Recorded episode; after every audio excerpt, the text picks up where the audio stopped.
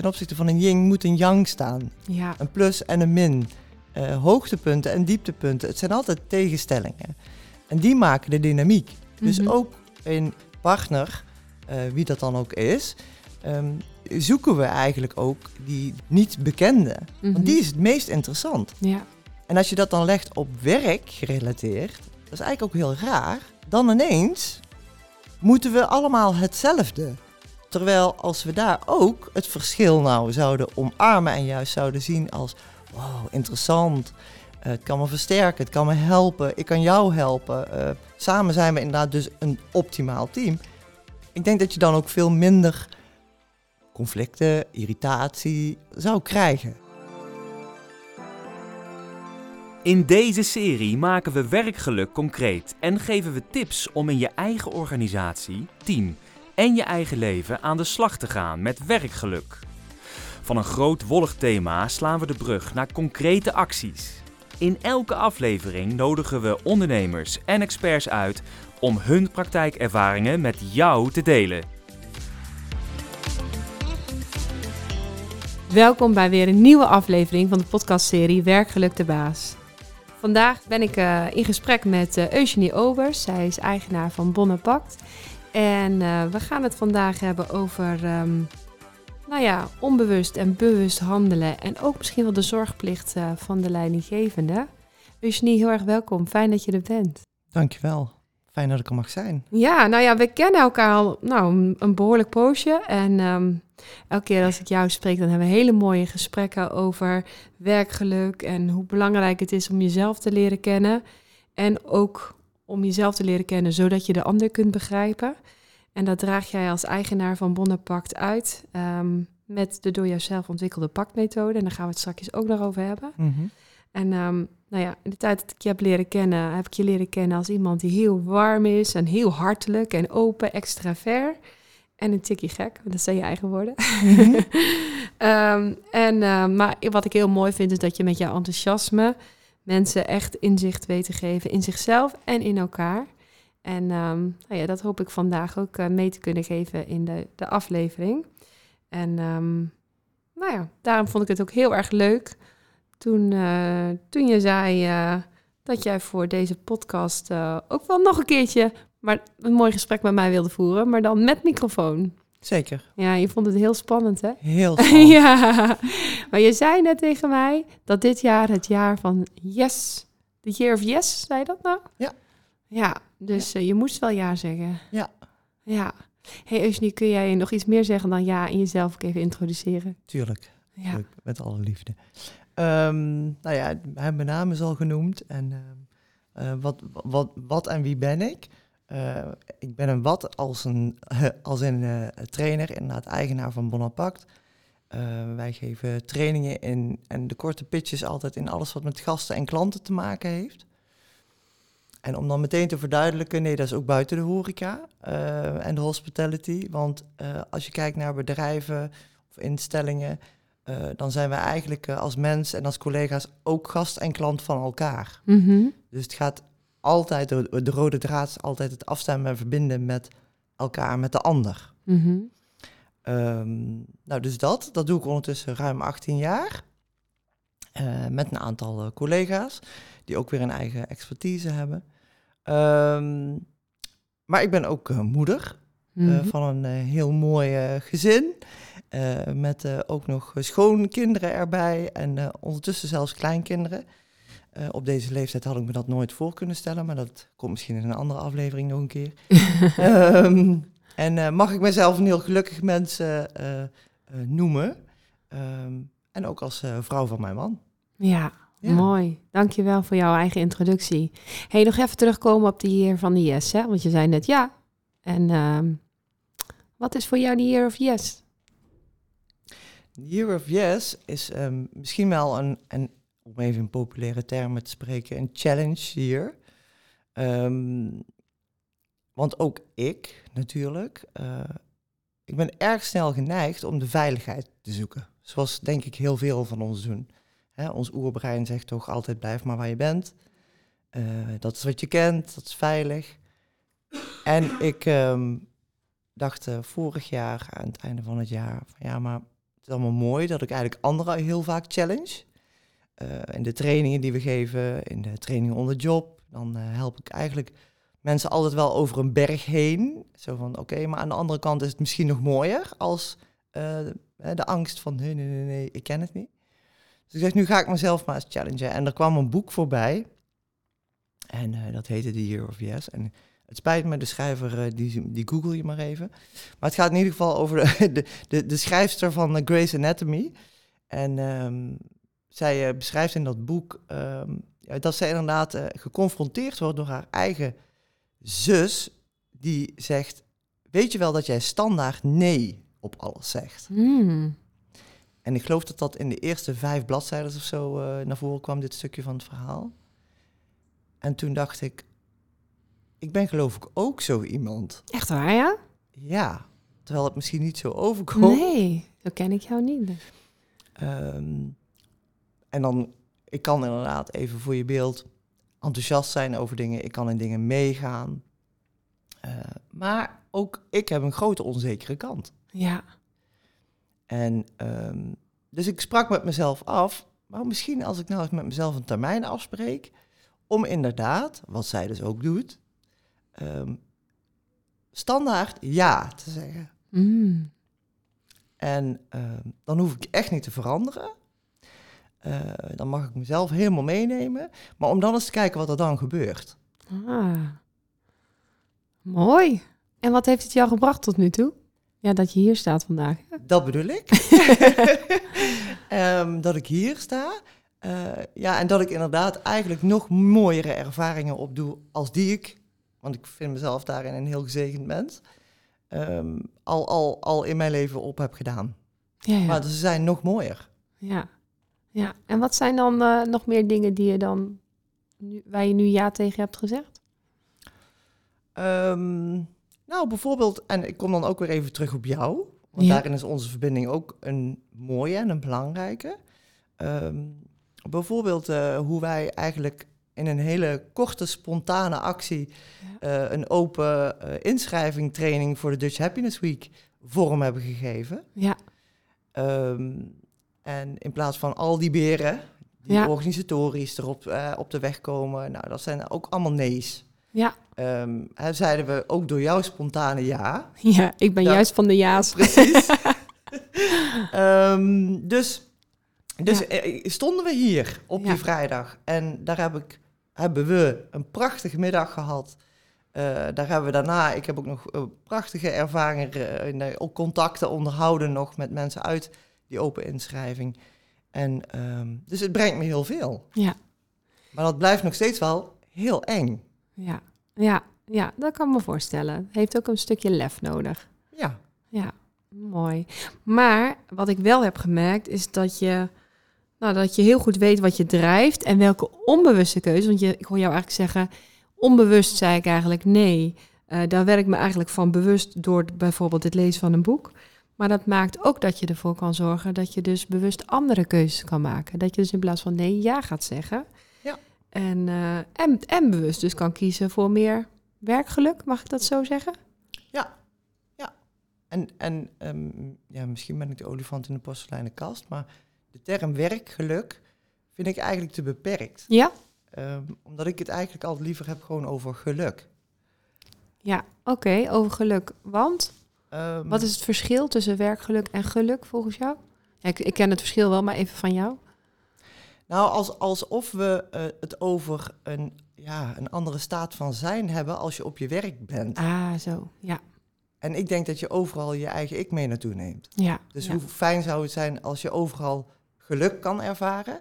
Dat uit zich misschien wel op andere momenten, andere manieren. Ja, Eh, en, en het wordt op een andere manier misschien gevoed. ja. Maar ja, een, een mooi voorbeeld is bijvoorbeeld... Wacht even, Eugenie. Je moet heel iets dichter bij de microfoon. Je gaat steeds verder van de microfoon af. Ja, dank je. Oké. Oké, een mooi voorbeeld. Daar was je. Oh ja, een mooi voorbeeld. Ehm, een mooi voorbeeld is eh, nou ja, ook iets waar wij het eigenlijk nu- nou tien minuten geleden over hadden. Mhm. Is, eh, en dat zijn hele praktische eh, voorbeelden die ik ook vaak deel met anderen. En waar ik natuurlijk ook eh, mijn, mijn tijd voor nodig heb gehad om dat in te zien. Mhm. Maar eh, hoe gelukkig de zon jou en mij allebei maakt. Oh, ik word echt heel gelukkig van de zon. Ik ook. ik ben gemaakt voor de zomer. Nou, eh, ik, ik dus ook. Ehm, maar het grappige is dat we heel vaak op weg zijn naar geluk op een andere plek. Terwijl er is maar één zon. Ja, En die schijnt overal. Ja, En je neemt dus ook overal diezelfde ik mee naartoe. ja. Mooi. Ja, Dus ook binnen werk en, en ehm, ja, de, de, de, misschien wel de, de, de goeroes van deze tijd. Gelukkig trouwens, waar ik erg blij mee ben, dat er op een eh, mooie manier door interessante mensen interessante visies worden eh, verspreid. Ook via de socials, ook via Instagram, ook via TikTok. Mhm. Ehm, even, ik wil het niet per se promoten, dit platform. Maar anderzijds denk ik wel, hè, de what's your why. En als je weet wie je bent en waarom je hier bent, dat je dan eigenlijk nooit meer aan het werk bent. Hè? Ehm, maak van je hobby je werk. Nou, die terminologieën, Mhm. die gaan volgens mij eigenlijk over dat je inderdaad in de diepste kern jezelf bent. En, en hoe help jij mensen om te ontdekken wie zij in de diepste kern zijn? Op verschillende manieren. Ja. ja, nou ja, door in ieder geval altijd als uitgangspunt te hebben ehm, om ook echt ehm, oprechte interesse te hebben in de ander. Mhm. En dat is even ik als Eugenie. Ehm, of ik dan eh, de trainer ben of moeder. Of, maar door verder te kijken als alleen maar die buitenkant. Oké. Mooi. En hoe doe je dat dan in je trainingen? Je- Nou ja, in mijn trainingen, ehm, een van de, de ehm, nou ja, en dat is een, inderdaad wel een methode eh, die we ook veel gebruiken, en dat is Insights Discovery natuurlijk, geba- gebaseerd op Carl Gustav Jung. Ehm, die in ieder geval, en, en de luisteraar zal hem misschien kennen als de kleurentheorie, maar we zijn geen kleur, eh, alleen smurfen zijn blauw. Nee. Ehm, hè? Ja, toch? Ja, ik zeg altijd, het is een heel eh, een kleurenmodel om vooral teamleden en hun, persoonlijke, hun persoonlijkheid, maar ook hun voorkeursstijl Ja. heel in kaart te brengen. hè? Ja, precies. En, En- en ehm, ehm, maar de, de, de bottom line van Insights, waarom ik het zo heb omarmd, is dat het je inderdaad handvatten aanreikt om eigenlijk inderdaad ook verder te gaan als alleen de typering. Vertel. Ehm, als we puur afgaan op wat we zien en op wat we alleen horen, eh, dan kunnen we iemand vrij snel inderdaad ergens plaatsen. Ehm, maar dat is niet alles. Het is niet alles wat we zien, want het gaat natuurlijk ook nog over hoe zie ik, Mhm. hoe kijk ik de wereld in. Ja, En als je daar eigenlijk over verder gaat praten en nadenken, dan kom je misschien nog wel in een heel apart gesprek. Want ja, waarom doen we het dan überhaupt? ja, Ehm, maar de echte vragen stellen en het echte oprechte luisteren en doorvragen. En dus ook soms de antwoorden horen die er niet gezegd worden. ja. ja, want dat vind ik een voordeel van eh, Discovery Insights, is dat het een kleurenmodel is met vier kleuren. En als je hem uitgebreider wil, dan zijn het er misschien acht. Eh, waardoor je heel makkelijk, hè, ons brein werkt nou eenmaal zo dat we het fijn vinden om dingen en mensen in hokjes te plaatsen. Ja. Zodat we de wereld beter kunnen begrijpen. Dus het helpt echt om beter te begrijpen hoe Ja. zit ik in elkaar en hoe zit de ander in elkaar. En tegelijkertijd is dat ook wel een heel groot nadeel. Want ik hoor je ook al zeggen, mensen zijn geen kleur, we zijn geen smurfen. Ehm, maar we zijn dan wel geneigd om een kleur op iemand te plakken en te denken, oké, dus ik weet hoe jij in elkaar zit. Maar ja, dat is natuurlijk niet zo. Nee, Iedereen heeft zijn eigen verhaal, zijn eigen rugzak. ja, En ehm, dus het is wel belangrijk om daar verder dan dat te kijken.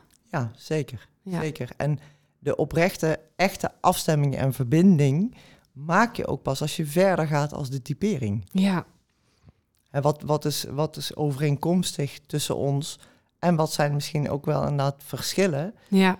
ehm, verder als de buitenkant. Ja, en het mooie is ook dat eh, toen wij, eh, toen wij eh, een tijdje geleden samen een training deden, waarbij we ook Insights Discovery gebruikten, toen zei jij ook ehm, dat je vaak je partner dat dat eigenlijk precies de tegenovergestelde type is dan Zeker. dat jij bent. Zeker. Dus waar je soms kan ergeren aan collega's die zo anders zijn. Ik ben bijvoorbeeld heel extravert. Ik, ik ben altijd van de nieuwe ideeën. Ik ben dus iemand die te vaak ja zegt. Mhm. En, ehm, maar ik heb er dus eigenlijk een bloedhekel aan als er mensen zijn die alleen maar volgens de regeltjes en eerst uitdenken. Of als dingen heel erg lang duren. eh, of die juist heel van de details zijn. Ehm, maar als ik kijk naar mijn partner, sorry, ik wil je niet beledigen. maar die is heel anders dan ik. Die denkt altijd alles heel erg over na. Als ik hem vraag om een klus te doen in huis of iets, iets te fixen of zo, dan gaat hij daar eerst helemaal over nadenken. Dan Mhm. maakt hij daar een plan voor. Dan zit hij helemaal in zijn hoofd. En dan in mijn hoofd heb ik het al vier keer kunnen doen. Maar hij werkt gewoon heel anders. En tegelijkertijd heb ik dat ook nodig. Want ik zou Precies. helemaal gek worden met een tweede ik. Precies. Ja, Nou, ik, ik, ik heb eh, afgelopen dagen natuurlijk eh, hè, jouw, jouw podcast ook wel eens zo alles teruggeluisterd. Hè, van Ja. hey, wat hebben andere genodigden verteld en gedeeld. ja, En ehm, wat ik ook heel veel terughoor, en dat benoemen wij, ik, ik ook heel vaak. Kijk, ten opzichte van een yin moet een yang staan. ja, Een plus en een min. Hoogtepunten en dieptepunten. Het zijn altijd tegenstellingen. En die maken de dynamiek. Dus Mhm. ook een partner, wie dat dan ook is, ehm, zoeken we eigenlijk ook die niet bekende. Mhm. Want die is het meest interessant. ja, En als je dat dan legt op werk gerelateerd, dat is eigenlijk ook heel raar. Dan ineens moeten we allemaal hetzelfde. Terwijl als we daar ook het verschil nou zouden omarmen en juist zouden zien als, wow, interessant. Eh, het kan me versterken, het kan me helpen, ik kan jou helpen. Eh, samen zijn we inderdaad dus een optimaal team.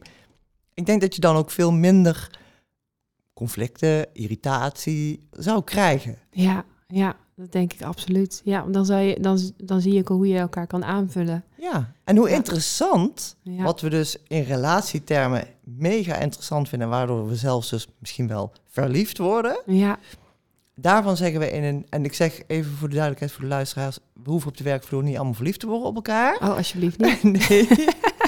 Nee, maar wel het omarmen van het verschil. Ja, En misschien is dat ook wel een, ehm, ja, dat, dat eh, die, die verschillen omarmen, dus de ander ook inderdaad ehm, respecteren om zijn verschil. Mhm. Ehm, dat is misschien ook wel mijn, mijn, mijn eh, hoe noem je dat? Ja, mijn, mijn one-liner of mijn... eh, ik, ik vind de verschillen juist bij de ander, ja, inderdaad het meest interessant. Mhm. Maar, en, ehm, daar ook geen mening over hebben dus. ja, ja, precies. Want we hebben allemaal zo onze eigen rugzak. En Ja. we hebben natuurlijk even over de, ja, de kleurentypering gehad. Ja. Maar tegelijkertijd weet ik ook hè, je verleden met alles wat daarbij hoort. Wat je hebt opgedaan in je familiesysteem, Ja. eh, van je ouders, maar ook zelfs je voorouders. Ik heb begrepen tot zelfs zeven generaties terug. Is van invloed op jij, hoe jij in het hier en nu in het leven staat en hoe je reageert op bepaalde mensen of bepaalde situaties. En een poosje geleden vertelde me jou, jij jouw eigen verhaal over jouw opvoeding en hoe jouw moeder en oma ook van invloed zijn geweest op hoe jij in het leven staat. Zou je dat willen delen? Want ik vond het namelijk een heel mooi voorbeeld. Ja, dat wil ik wel delen. En ik weet dat het heel persoonlijk is voor je, maar Nou, wel is heel mooi hoe een- dat werkt. Oké, nou ja, het is een klein stukje van het verhaal. Hè.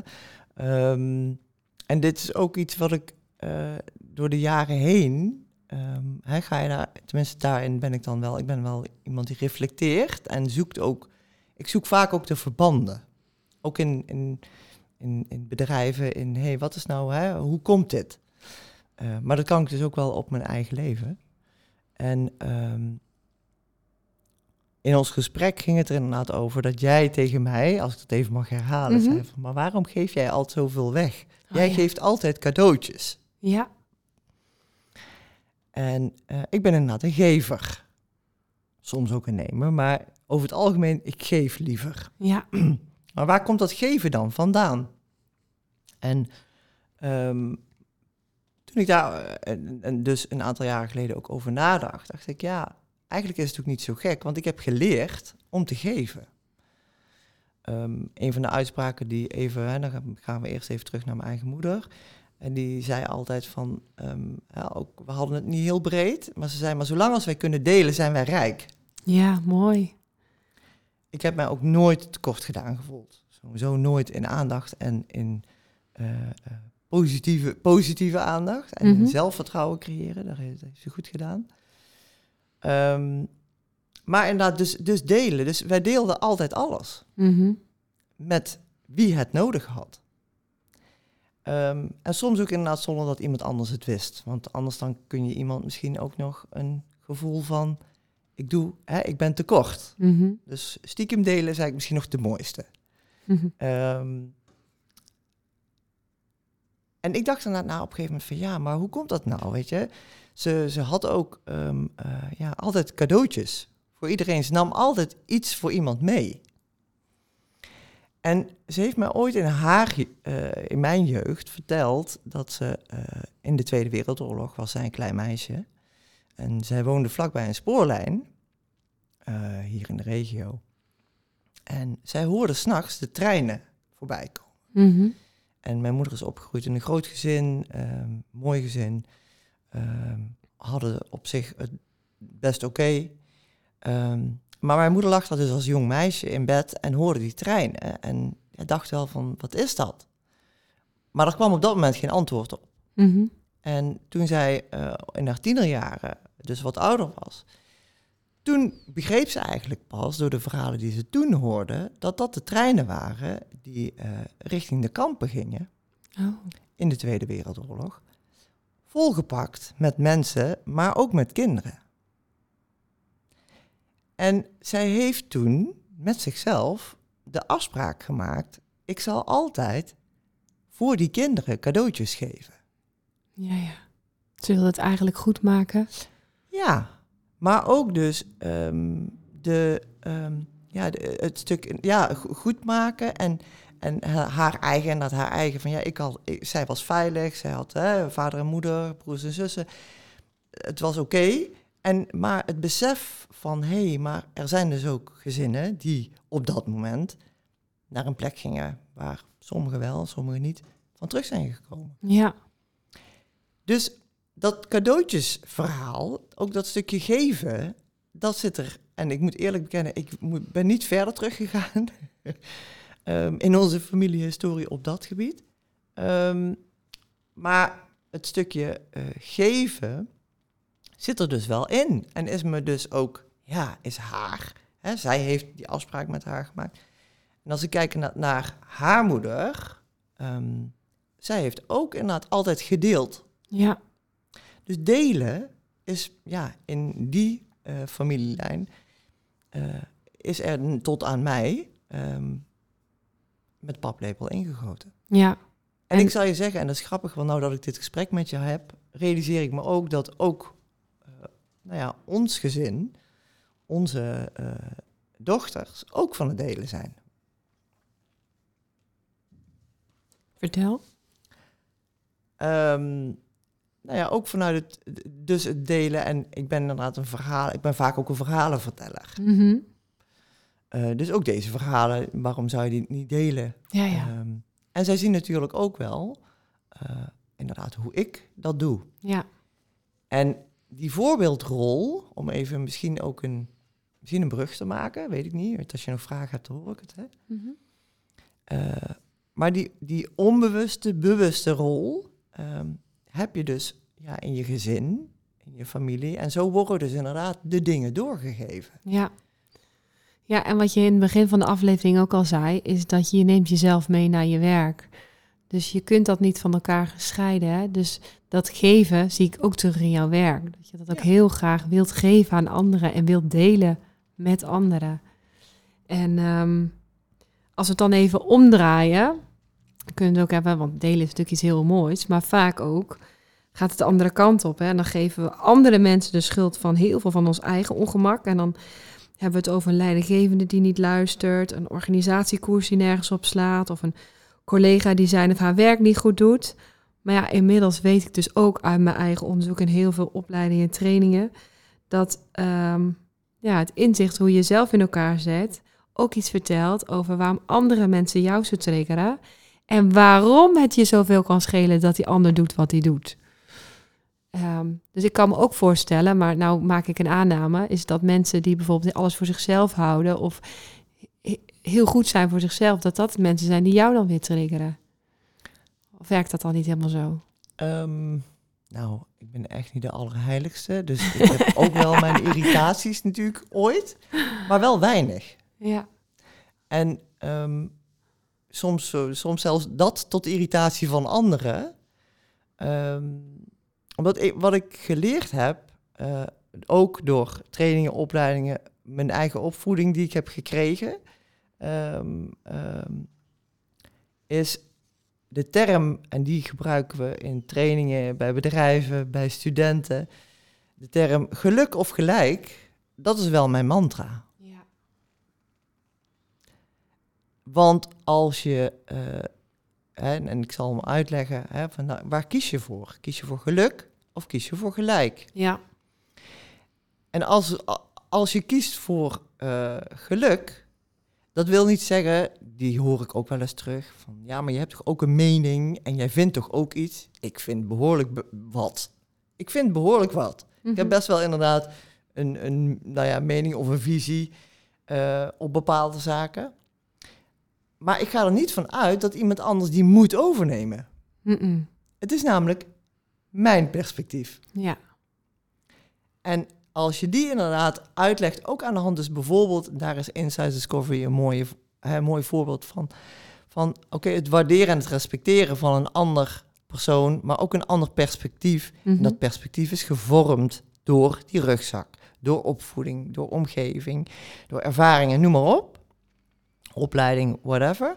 Ehm, dan, dan zullen we minder vaak in de discussie vallen. En even, we kunnen natuurlijk nog steeds discussiëren, maar discussieer dan om ervan te leren. Ja, ja. In plaats van een oordeel te hebben. Ja. En wat kun je daar dan als, als, als leidinggevende mee in jouw optiek? Want het, nou ja, weet je, ergens is het natuurlijk heel mooi dat je iedereen ziet als individu en met achter, hè, achter eh, open staat voor wat iemand in zijn rugzak heeft en, Ja. en met alles wat erbij hoort, dat dat er mag zijn. Mhm. Tegelijkertijd is dat ook een behoorlijke klus. Je bent geen coach of psycholoog. Nee. Ehm, en ja, en ook wel ingewikkeld, want ze, iedereen uit verschillende teams hebben alle, of uit een team hebben allemaal verschillende ideeën, wensen, Ja. meningen, behoeftes. En hoe ga je het dan goed doen als leidinggever? Dat lijkt me best een complexe taak. Nou, in, wa- wat, wat, eh, een van de dingen die we eh leidinggevenden meegeven, is ehm, sowieso dat je mensen dus moet meenemen op, op reis. Hè? Je kunt altijd blijven leren. Mhm.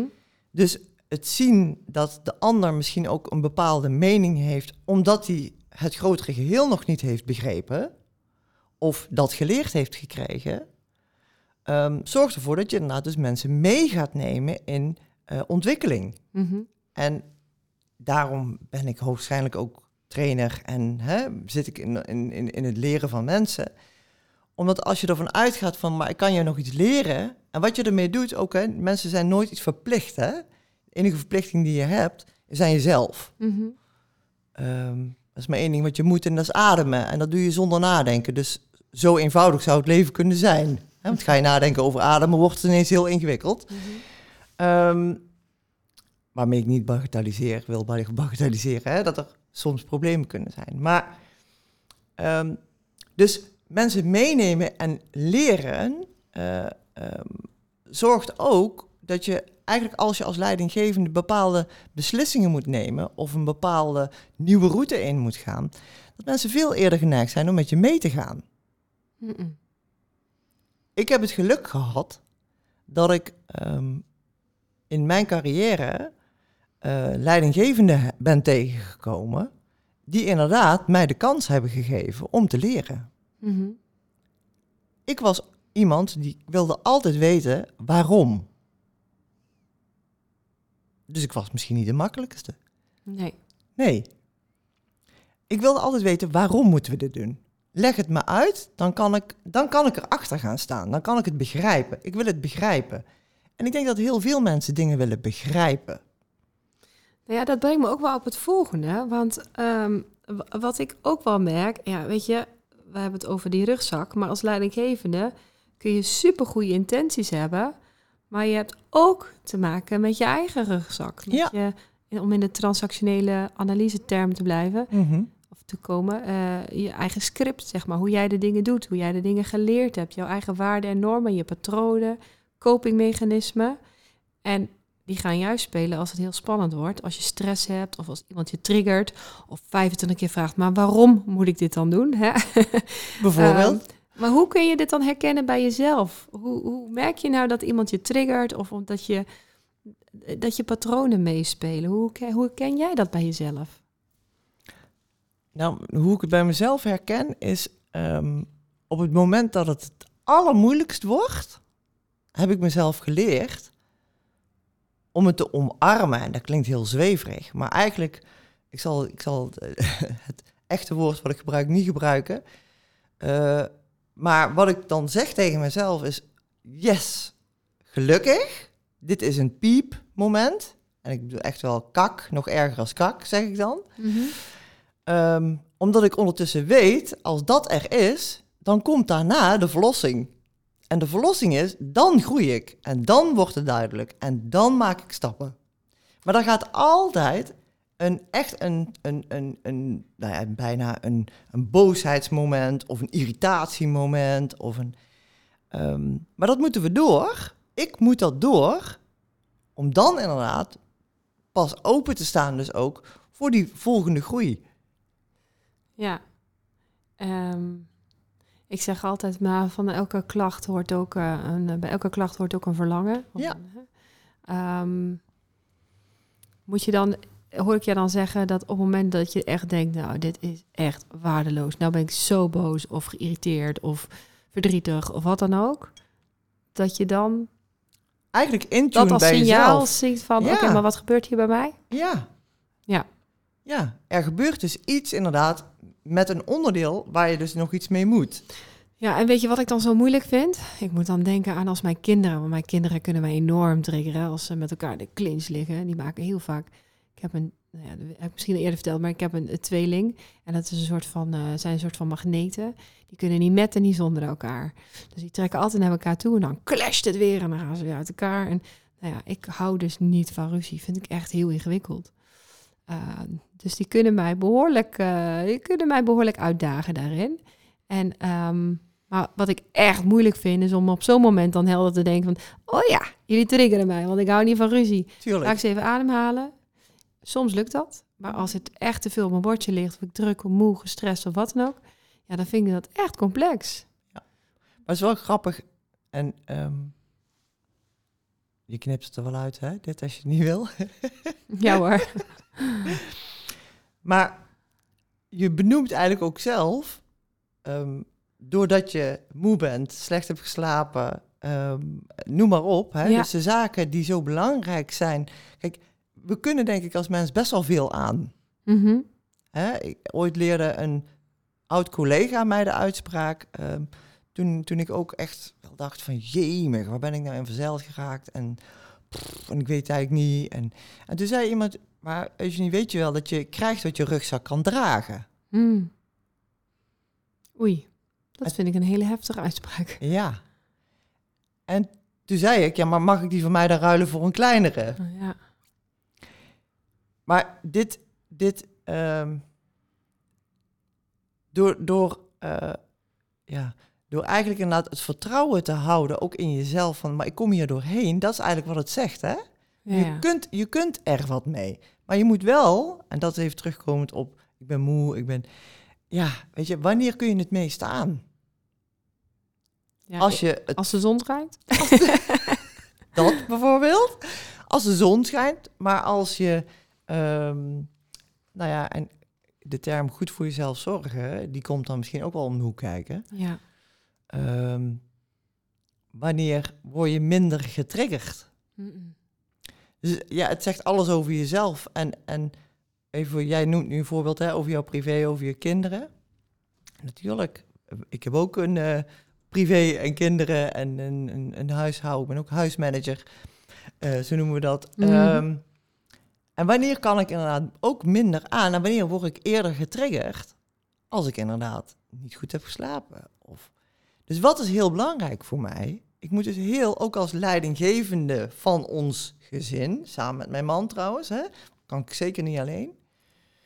Ehm, moet ik dus heel goed voor mezelf zorgen om uiteindelijk ook eh, minder snel getriggerd te raken. En om dus inderdaad ehm, dingen aan te kunnen. En om eerder wel het signaal op te pakken. Als je moe bent, pak je ook signalen niet op. Mhm. Want die gaan, die vervliegen.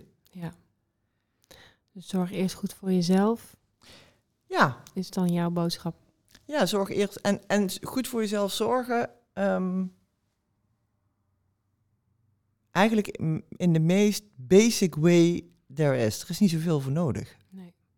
Het gaat gewoon over die wel- onderste laag van de piramide. Ja. Waar dan natuurlijk wifi aan toe is gevoegd. Maar hè, veilig huis en eh, Mhm. goed eten. En, De piramide van Maslow bedoel je? precies, ja. precies. Die, als je daar al aan voldoet, dan ben je al best wel ver. Ja. Ja. Als het kan. Want Ja. ik weet ook dat er zijn ook ooit situaties, dan kan het niet. Nee. Hè?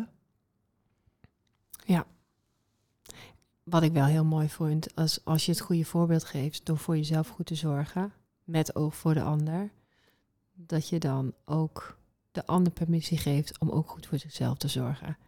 Ja. Waardoor je misschien met een meer open blik naar elkaar kan kijken. Ja. En dat is misschien wel het meest waardevolle. Wat er in de dynamiek de, in relaties is. Zeker, zeker. En, Ja. en ehm, ik denk dat dat misschien ook wel een van de. eh, laat ik even over mezelf dan natuurlijk hè, zeker spreken. Maar ehm, mijn partner is ook exact het tegenovergestelde van mij. Mhm. Ehm, en ook op dat vlak is het goed dat hij het tegenovergesteld. Want hij herkent heel snel als ik inderdaad eigenlijk over een grens van mezelf heen ga. Ja.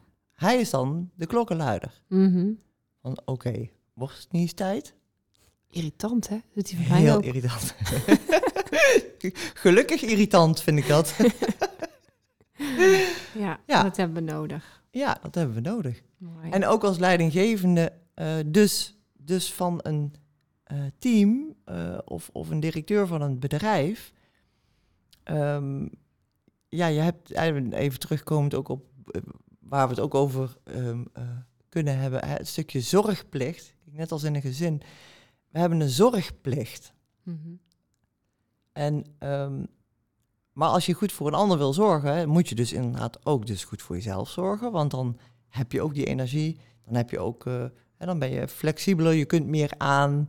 Eh, weet je wel, het is eh, zoals die elastiek hè, die niet uit mag drogen. Mhm. Weet je wel, op een gegeven moment als je uitgedroogde elastiek hebt, dan knapt die. Mhm. Ehm, dus zorg vooral inderdaad hè, dat die eh, eh, soepel blijft. Ehm, want die zorgplicht inderdaad, en dat wil dus niet zeggen, eh, voor de duidelijkheid, hè, ik ben zelf ook leidinggevende geweest en ik was echt niet een softie, zweverige leidinggevende. En ook in mijn trainingen en ook hè, wordt er ook best wel ooit gezegd van nou, wel pittig.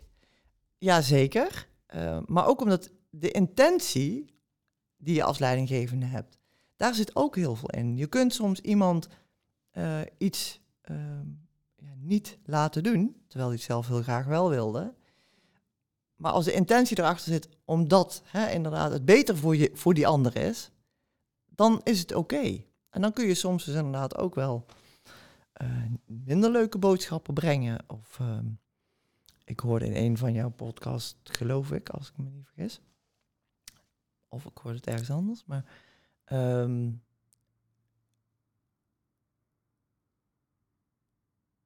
dat als je mensen uh, ja, inderdaad dus laat ontwikkelen, dan kan het ook zijn dat je ze laat ontwikkelen naar een punt waarop ze zeggen, goh, eigenlijk past dit helemaal niet bij me. Mhm. Misschien past dit werk helemaal niet bij me. Misschien past het bedrijf niet bij me. Misschien past inderdaad uh, het team niet bij me. Is dat erg? Nee. Ik denk dat dat de essentie ook wel is van ja, waar iemand ook gaat, als hij maar vooral inderdaad dus zichzelf Ja, mag zijn. mooi. Eugenie, met die opmerking uh, moeten we gaan afsluiten. Want we zijn alweer ver over onze podcast uh, tijd heen. ik, eh, is er nog één laatste ding wat je graag wil meegeven? Ik ben blij dat ik het gedaan heb. Ja, hè? En ik wil iedereen adviseren, ga voor de ja. Ga voor de ja. Ga voor Ja. de ja. Ga voor de ja en zorg goed voor jezelf Zeker. en voor elkaar. Misschien nog meer. Ja, fijn. Dankjewel dat je er was eh, vandaag, Eugenie. Jij bedankt voor de Ontzettend uitnodiging. leuk om weer met jou gesproken te hebben. En dit keer voor de microfoon. Dank je. Ja. Mocht je nou zelf ook leuk vinden om bij mij eh, bij de microfoon eh, een mooi gesprek te hebben, mail dan naar werkgeluktebaas.fontis.nl. Heb je nog vragen of opmerkingen, mag je natuurlijk ook altijd contact opnemen. En vergeet ook niet deze aflevering te liken en te delen met anderen.